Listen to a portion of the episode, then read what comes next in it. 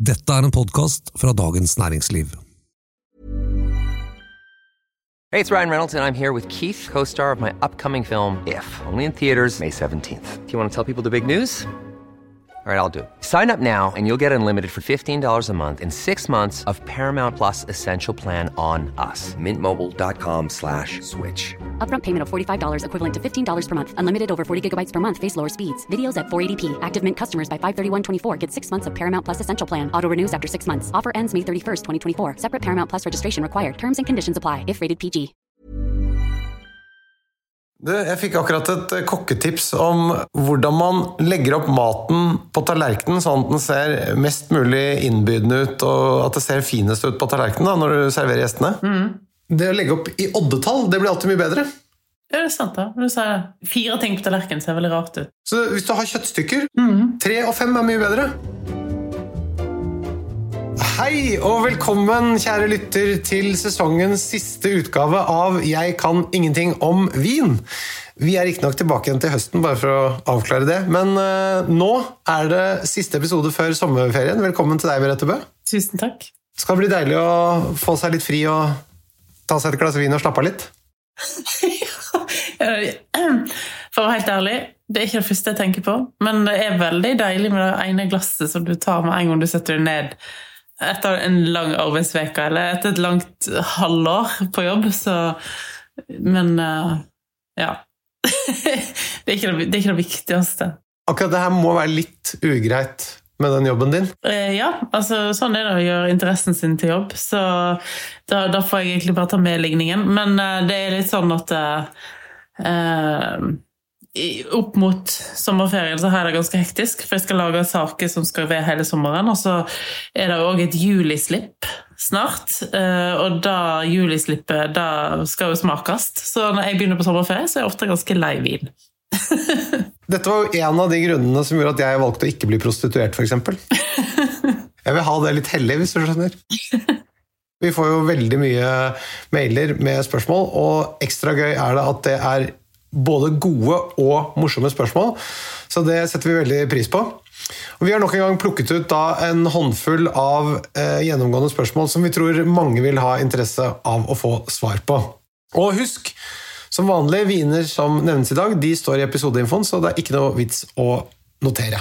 Er du klar, eller, Merete? Ja, jeg skal prøve å vri hjernen min.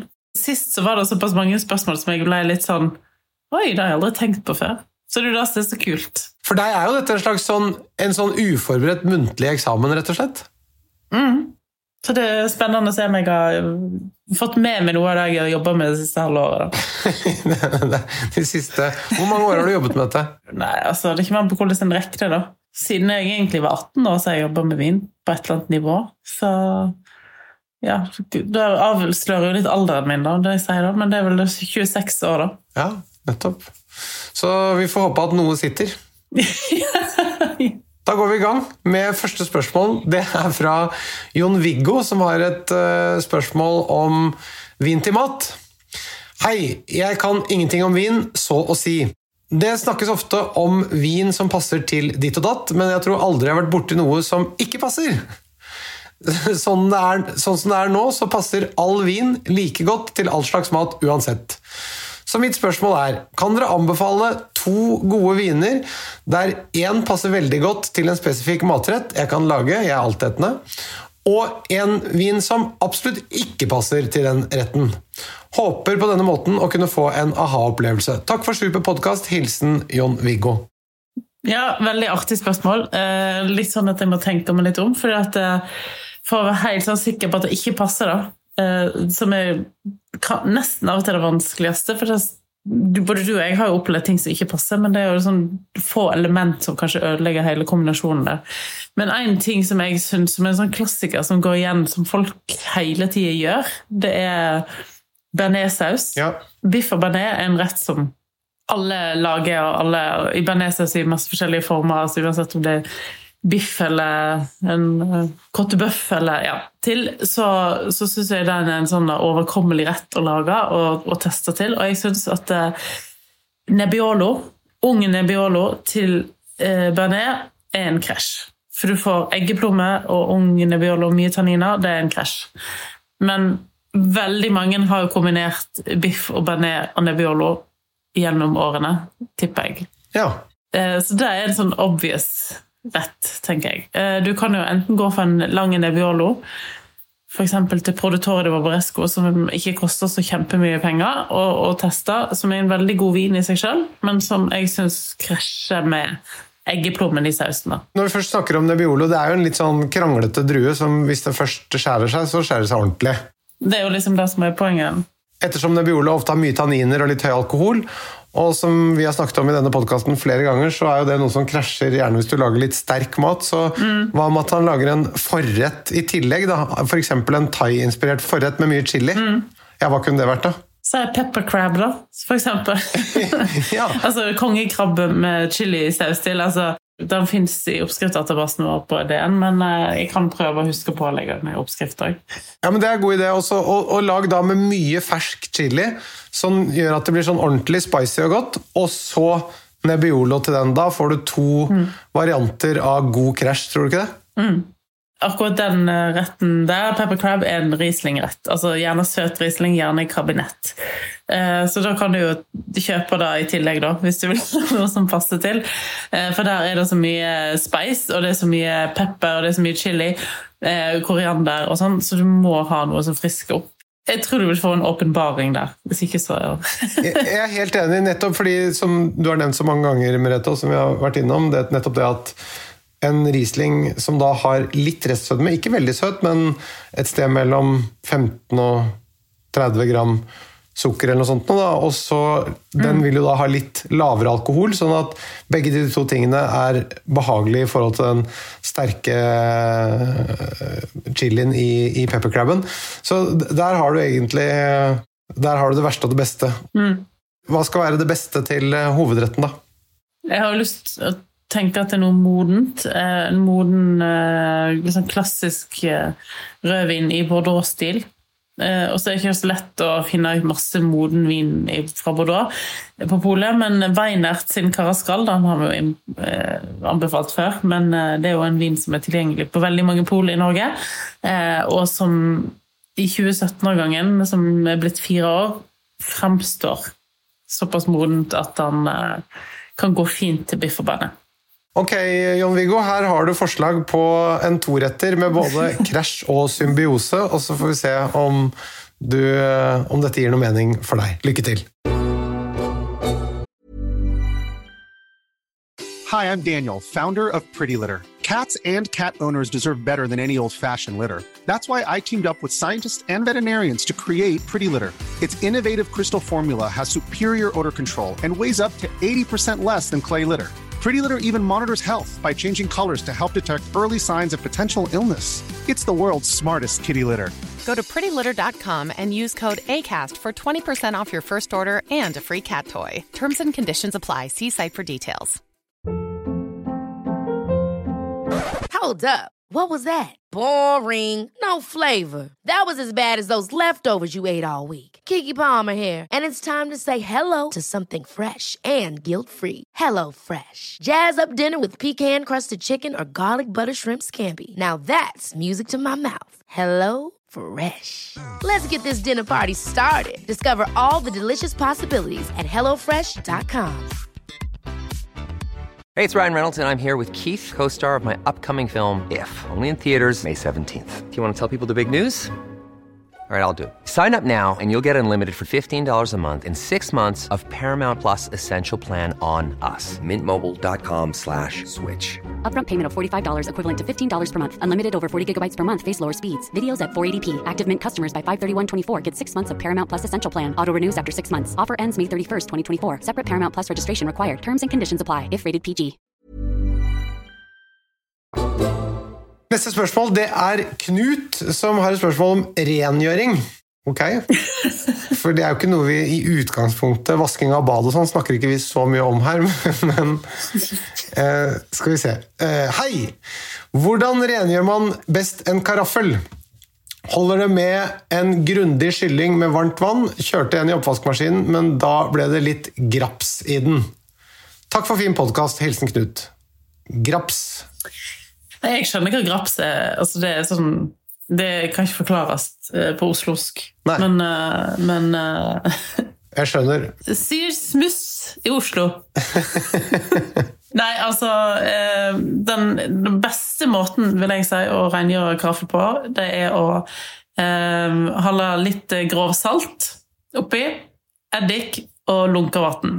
Og så lar du det stå sånn i ti minutter, og så rister du godt på karaffelen, sånn at det grovsaltet får eh, med å bløte Altså det som ofte legger seg som et sånn brunt-rødt belegg etter rødvinen som har vært oppi der, eh, det vil da bli slipt opp av grovsaltet. Da slipper du å bruke vaskemiddel, du slipper å bruke kjemikalier, eh, og ting går ganske naturlig. Det er sånn jeg alltid har vært med at vi har eh, vaska karaflene på restauranter.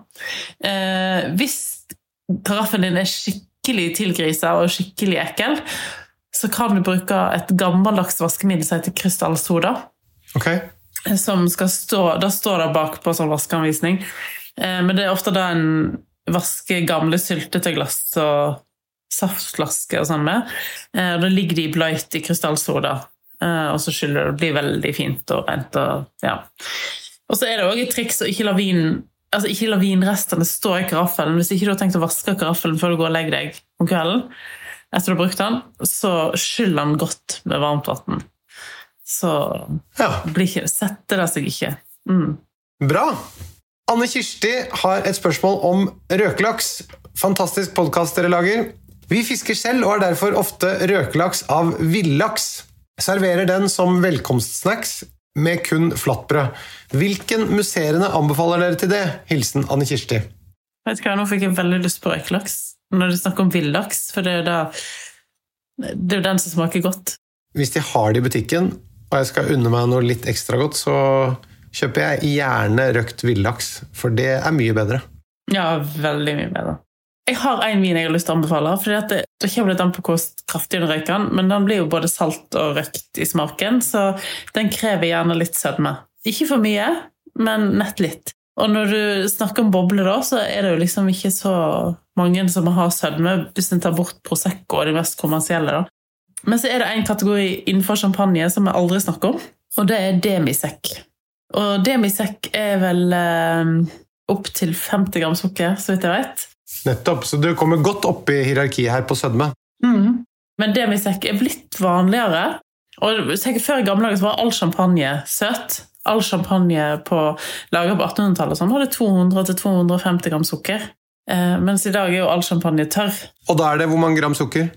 Det er ingen champagne nesten over 12 gram sukker. Nei. Stort sett under 10 òg. Men, men brutt, da skal det være under 12. Under 12. Ja. Noen champagnehus, veldig mange av de, faktisk har begynt å lage en som de kaller for rich eller rich eller nektar, eller, altså som indikerer at den er litt søt. da. Paul Rocher har en som heter rich, som er en demisekk. Og den har jeg tror det er 35 gram sukker. Eh, og den har ganske frisk syre, så det er 35, det er jo som en kabinett da, fra champagne, på en måte, i stilen. Det må du holde litt kald, da, kanskje? eller? Ja, helt kald. Eh, men jeg tror den skal gå veldig godt til røkelaks. Eh, for dette de boblene og den fylden i vinen kamuflerer jo den sødmen litt òg. Så det blir jo ikke eh, Det føles ikke så søtt som en kabinett gjør. Nei. Jeg må bare si at eh, jeg prøvde for øvrig den der oppskriften til, som ligger på smak, som Sverre Sætre har eh, laget på, med røkelaks og vannbakkels. Mm. Jeg blanda røkelaks og rørosrømme. 50-50. Kjørte det med stavmikseren, og så tok jeg det oppi sånne, du vet, de der 80-talls, de der litt sånn eh, sånne, sånne skjell som er sånn, ser ut som en liten kork. Ja.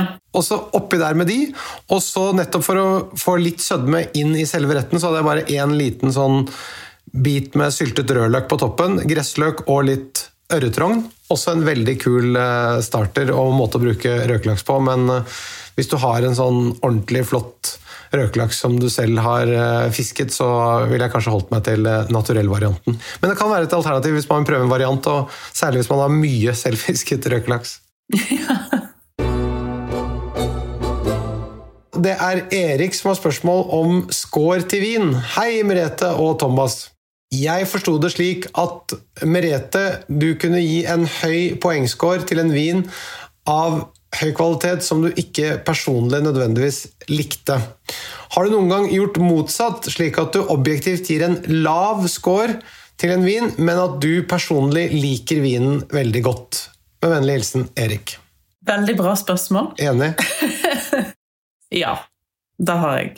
Og det er, sitt, det er litt vondt, faktisk, for det er en vin som du kanskje sånn, tenker sånn Den har noen kvaliteter som ingen andre viner har. Det er en rimelig vin, men den har noe ved seg som jeg kan sette pris på.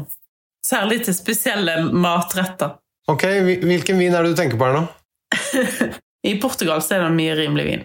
Eh, Og eh, den heter Espiga. Stemmer det, dette har du nevnt før.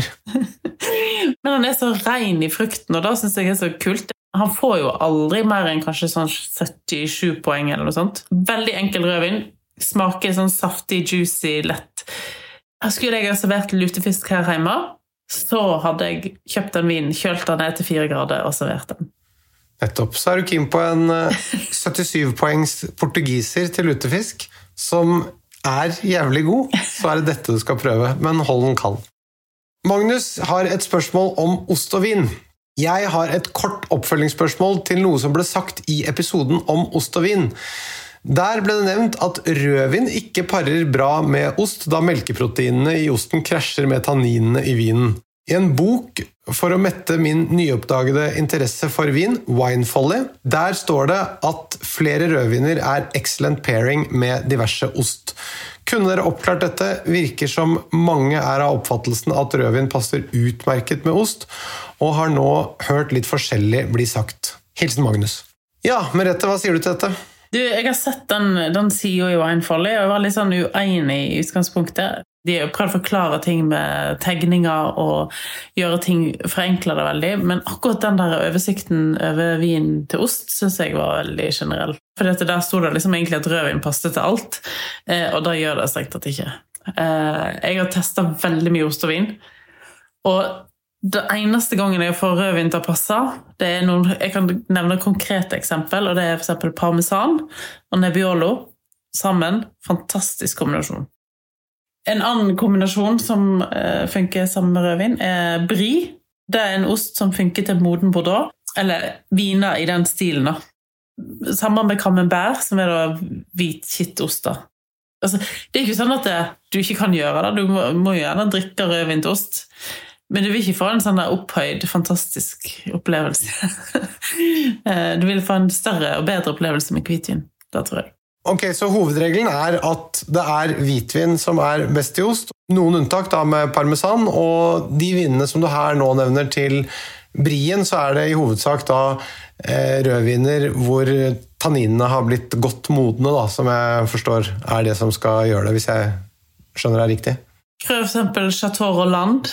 Eh, rimelig Bordeaux. Moden eh, fins på nesten alle polbutikker, tror jeg. i hele Norge koster sånn 160 kroner. Den funker til hvit kittoster, da. Sånn som camembert og brie. Ja.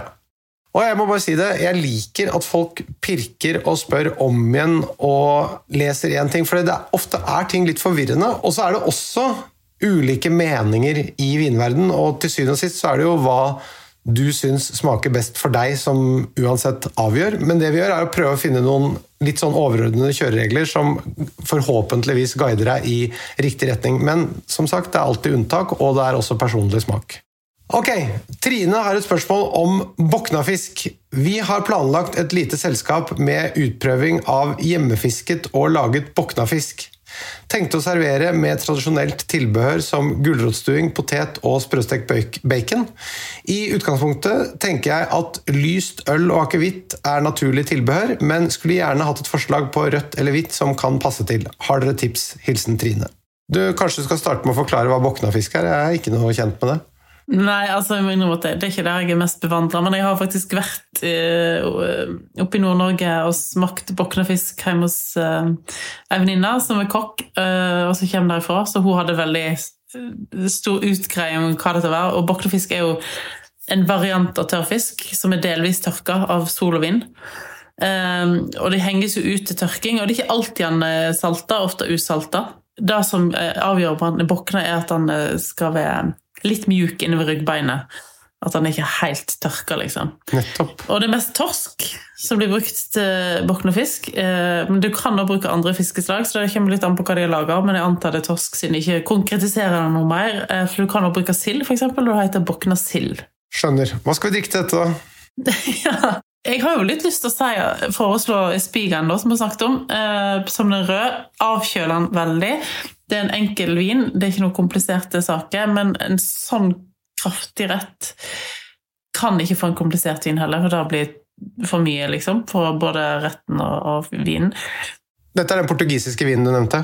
Ja. Eh, og så har jeg på hvit, så er jeg òg i Portugal, Nord-Portugal, eh, i eh, Vino Verde, en produsent som heter Soladas Borjas. De har to forskjellige viner, en Albarinho og så har de en Lureiro.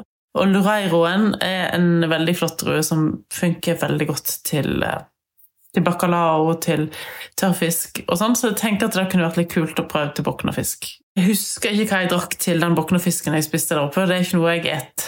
På Voss er det lite boknefisk for å si det sånn. så, eh, så la oss Borras sin eh, Lureiro absolutt noe jeg ville teste. Det er vel ikke så lett å få tørka noe fisk på Vestlandet? Det er ikke, er ikke lett å få tørka noe som helst der borte? Nei, der er det rimelig vått. Det har blitt eh, råtten. Det har blitt råttent. Nemlig. Det er god på gravlaks og rakfisk og sånn. Må legge det i tørkeskapet eller tørke, kjøre det i tørketrommelen, er det eneste.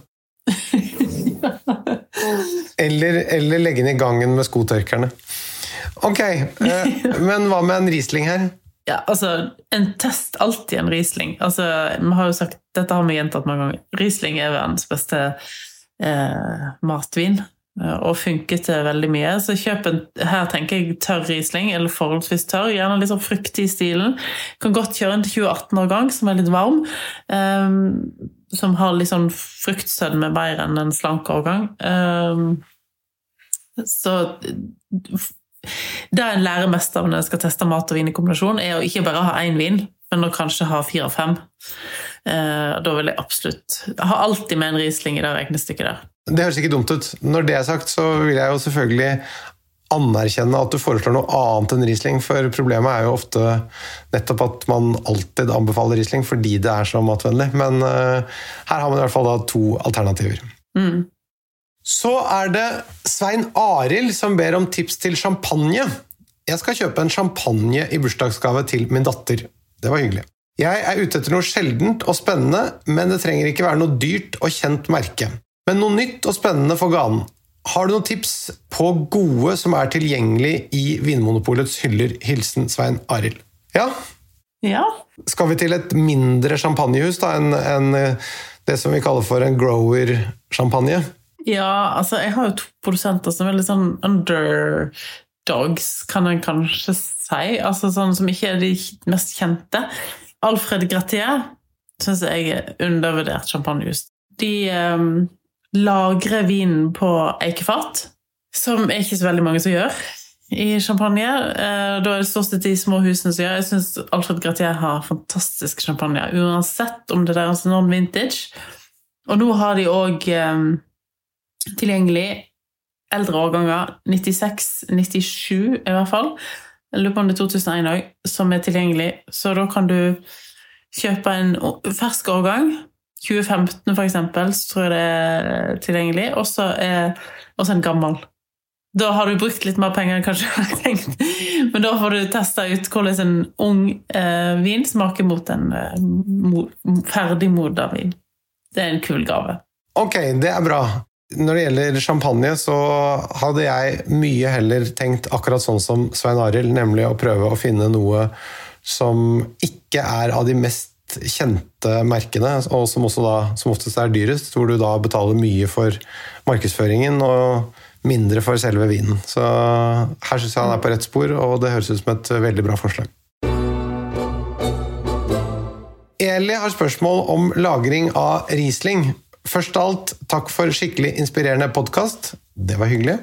Så er det to spørsmål. Jeg har kjøpt inn litt ulike varianter av Riesling fra Krügerrumpf, eh, både 2019 og 2018. Men hvor lenge kan og bør dette lagres? Det var det første spørsmålet. Og det andre er Jeg kunne tenke meg å lagre musserende champagne, har jeg forstått at er enklere. Det meste kan lagres, og alt blir bedre med årene. Har dere noen tips til ting som kan kjøpes til en ok pris, under 300 per flaske, for lagring? Start med første angående Riesling, Merete. Jeg antar dette er ganske tørre viner fra Krügerrumpf. Eh, og jeg ville lagra 2019 lenger enn 2018. 2018 er var- et varmt år som ikke trenger så mye tid. Tenker maks fem år på 2018. 2019 kan sikkert ligge i ti år. Og så kan det hende at dette ligger enda lenger enn da, men da vil jeg ha sett utviklingen. Krügerrumpf er en eh, produsent som Det er en av mine favorittprodusenter, og gir de alltid høy score for jeg syns de lager fantastiske viner. Eh, Min erfaring er at de lagrer ikke sånn kjempegodt, og må ikke lagres heller, så jeg tenker at eh, maks ti år. Men så kan en jo teste. Ja. De fleste er ikke interessert i å lagre vin lenger enn ti år uansett, så ja. Jeg skal bare komme et eksempel på en produsent som lagrer veldig godt. og Dunhoff. Eh, nå er det sjelden de, du får tak i deres GG, og da får du kun på spesialslipp. Men deres eh, tårnskifer, eksempel, som er tilgjengelig på polet stort sett alltid, eh, Dunhoff er en av de produsentene i Tyskland som lagrer aller best. ja. Og kan lagre lenger enn ti år. Krügerumf lager fantastiske viner, men ikke nødvendigvis de du skal ha lengst i kjelleren, mens Dønhoff er det du skal kjøpe hvis du skal ha en ordentlig langdistanse.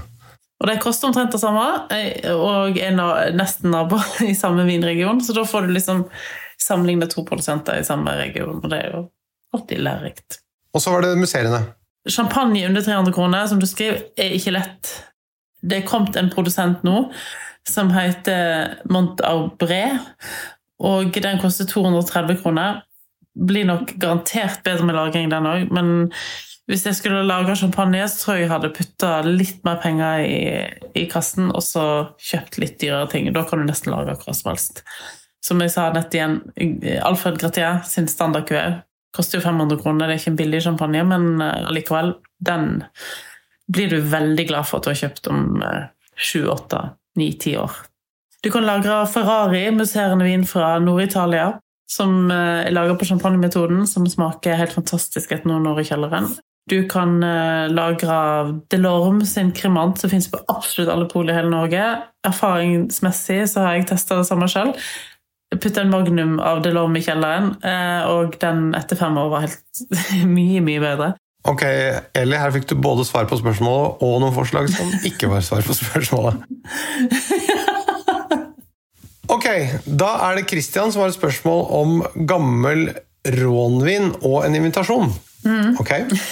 Hei, jeg kjøpte seks identiske flasker Coturon i Mer FI fra 1929. Det gjorde jeg egentlig fordi jeg synes det er veldig spennende å drikke noe som er så gammelt og inneholder så mye historie. Det jeg lurer på er om dere syns jeg burde la de ligge til de har 100-årsjubileum, og hva burde jeg tenke på å servere til når disse vinene skal åpnes? Dere er hjertelig velkommen til smaking hvis det er av interesse. Med vennlig hilsen Christian. Ja takk. Det må jeg si, det var hyggelig å legge ved en invitasjon. Det setter vi pris på, Eh, absolutt. En cotteron som har ligget så lenge, så tenker jeg du kan lett la den ligge eh, åtte år til. Eh, jeg, tror blir, jeg tror ikke den skal liksom tippe i overkanten på de åtte årene. Eh, så er det alltid veldig interessant hvordan en så gammel vin har ligget lagra, hvor han har kjøpt den, hvor eh, Mest sannsynlig kanskje på Blomkvist. Og det kan gå i begge retninger, men en lærer veldig mye av å kjøpe seks flasker av samme vin som er så gammel. fordi at selv om det er en cotteron som aldri har vært la, lagd med tanke på at den skal ligge i 100 år, eh, så blir jeg alltid For vi vet jo at vin laga på 20-tallet eller for 100 år siden ble laga på en litt annen måte. Det var ikke en superkommersiell cotteron på den tid. Det var noe mer håndverksvin. Så det er godt mulig at de Og det er 29 i en legendarisk årgang, så det er godt mulig at de har trålt det veldig godt. Det som kan bli kult, i og med at du har seks flasker, går an å åpne to nå. Eh, to i, i 2029, og ja Kommer an på hvordan de er, da, selvfølgelig. At en, at en deler det opp litt, da. Ok, så er det Jørgen som ber om tips til en druser. Ok, Litt usikker på hva det er for noe. det skal du få høre nå, det kommer du til å skjønne. Hei, digger podkasten deres. Skal kjøpe en druser som jeg skal drikke med et par kompiser neste onsdag. I utgangspunktet ønsker jeg en typisk vin for et område. Pris maks 1000 spenn, minimum 90 poeng. Vurderer eventuelt også en Lisini Ugolaya Brunello di Montalcino 2013. Er den veldig god? Spørsmålstegn. Og er det en klassisk Brunello? Spørsmålstegn. Må finnes på et pol i Oslo. Kjør på! Hilsen Jøgge. Her er taket av på BMW kabrioleten for sommeren, det er helt sikkert. Se for deg at du nå sitter i BMW kabrioleten til Jøgge. Dere skal innom polet. Hva ber du han kjøpe? Ja, jeg kunne lett ha bedt han kjøpe Lisini. Det er dødsgodt. Um, og ja, det er Det er en druser. Det er en druser. Eh, så den kunne jeg lett ha for. Den koster vel over 1000 kroner, tror jeg. Litt over 1300 eller noe sånt. Men den var faktisk en vin jeg hadde tenkt jeg skulle kjøpe sjøl. Så takk for at du minte meg på den. Hvis ikke det er for seint, så tror jeg skal legge inn en bestilling på den. Og den ga jeg veit at jeg har gitt mer enn 90 poeng. Jeg tror jeg ga den 3-94, så, så det kunne godt ha vært den. Um, andre ting nå må jeg tenke litt grann, eh, som jeg, en har lyst til å drikke òg. Um, nå, og ikke lagres, er jo en fordel, selvfølgelig. Jeg er helt enig med han når han tenker Toskana, eh, og da må det være Brunello. Jeg har jo lyst til å foreslå en Brunello som er mye dyrere, men eh, du vet jo hvor jeg vil gå hen, Vi, snakker vi gode gamle Kasse Basse som vi snakket om i en tidligere episode? Altså, Du jobber ikke for forbrukslånsbanker, Merete. kunne lett ha gjort det, tror jeg. Kom med en druser til Jøgge for under 1000 spenn, da. Å, herregud, da.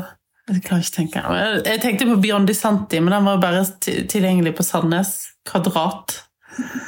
selvfølgelig. Ja, der er ikke Jøgge. Nei.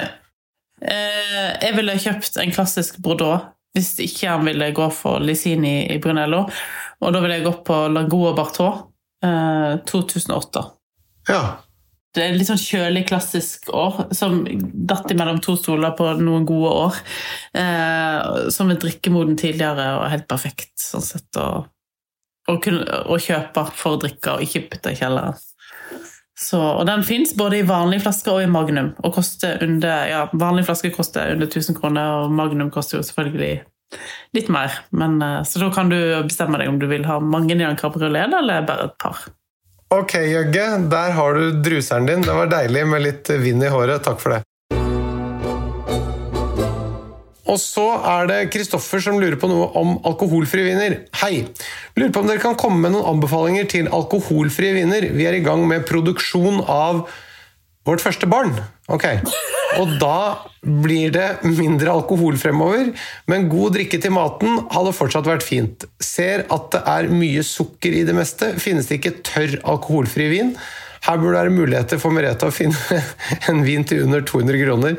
Hilsen Kristoffer, nå da produsent av barn. Det var en veldig dannet uh, måte å beskrive et samleie på. Men uh, det er jo en vinpodkast, så man tenker vel at her skal det ikke være så røft i kantene. Så Merete, har du noe tørt og alkoholfritt som egner seg i produksjonsfase? Du, vet du hva? Eh, Jeg må dessverre skuffe deg. Eh, Det fins veldig lite. Alkoholfrie produkter hadde jeg egentlig tenkt over før noen år siden selv, for jeg skulle gjøre en sak på det. Og så fant jeg ut at det, det som er tilgjengelig på polet, det er kun det som blir tatt inn i hyllene. Så det må gjennom et anbud. Det er ikke lov å lansere alkoholfrie produkt i polet sitt bestillingsutvalg eller eh, nettbutikk. Og grunnen til det er at polet dette er spurt om, polet er livredd for at det skal bli sånn 10 000 forskjellige typer cola. En metafor for, for hva de er redd for. Fordi at de skal jo selge alkohol, de skal jo ikke selge alkoholfritt, egentlig. Men så har de jo begynt med sånn alkoholfritt alternativ i butikk, som er kjempebra. Lite god alkoholfri vin der, fordi at de er så utrolig prisbevisst på Vinmonopolet, så de skal bare ha inn de rimelige tingene. Og de rimelige vinene, da får ikke du veldig bra alkoholfri vin. Hvis en har lyst til å spesialbestille ting, eller hvis en eh, går på restauranter som har disse vinene inne, så finnes det god alkoholfri sekt fra Tyskland, som bl.a. blant annet fra Kloster Eberbach, tror det er en produsent som heter Rausch, som lager en god alkoholfri sekt. Og dette er virkelig bra. Eh, Jeg smakte den på Apostrof, restaurant Apostrof. Så der kan det gå og drikke eh, god alkoholfri sekt.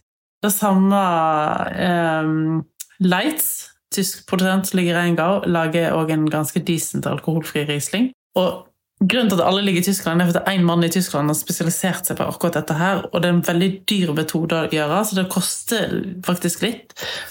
Og jeg vil tippe at kanskje ikke du har nok med 200 kroner, jeg vet ikke, for jeg har ikke sett prisen ute i Norge. Men uh, det er ingen billig vin, dette her. Men det smaker faktisk det tetteste jeg har sett opp mot vin noensinne av en alkoholfri vin. Og så vet jeg òg at det kommer til høsten. Da kommer det en uh, australsk produsent.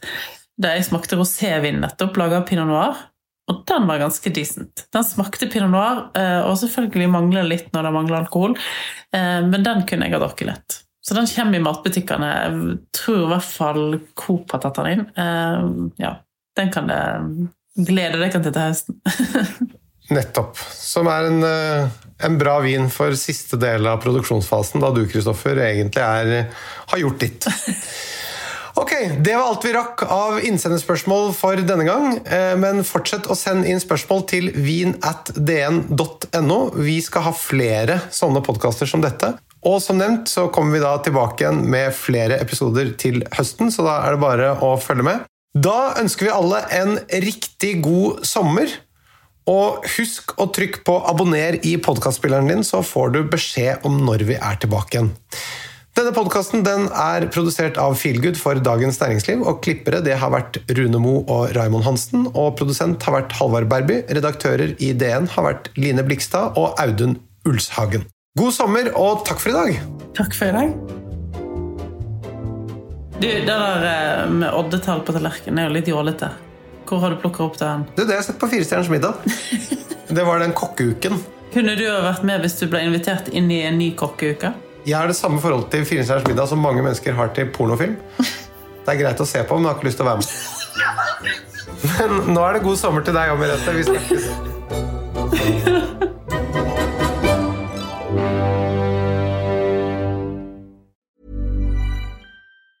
Ever catch yourself eating the same flavorless dinner three days in a row? Dreaming of something better? Well, HelloFresh is your guilt-free dream come true, baby. It's me, Kiki Palmer. Let's wake up those taste buds with hot, juicy pecan crusted chicken or garlic butter shrimp scampi. Mm. Hello Fresh. Stop dreaming of all the delicious possibilities and dig in at HelloFresh.com. Let's get this dinner party started.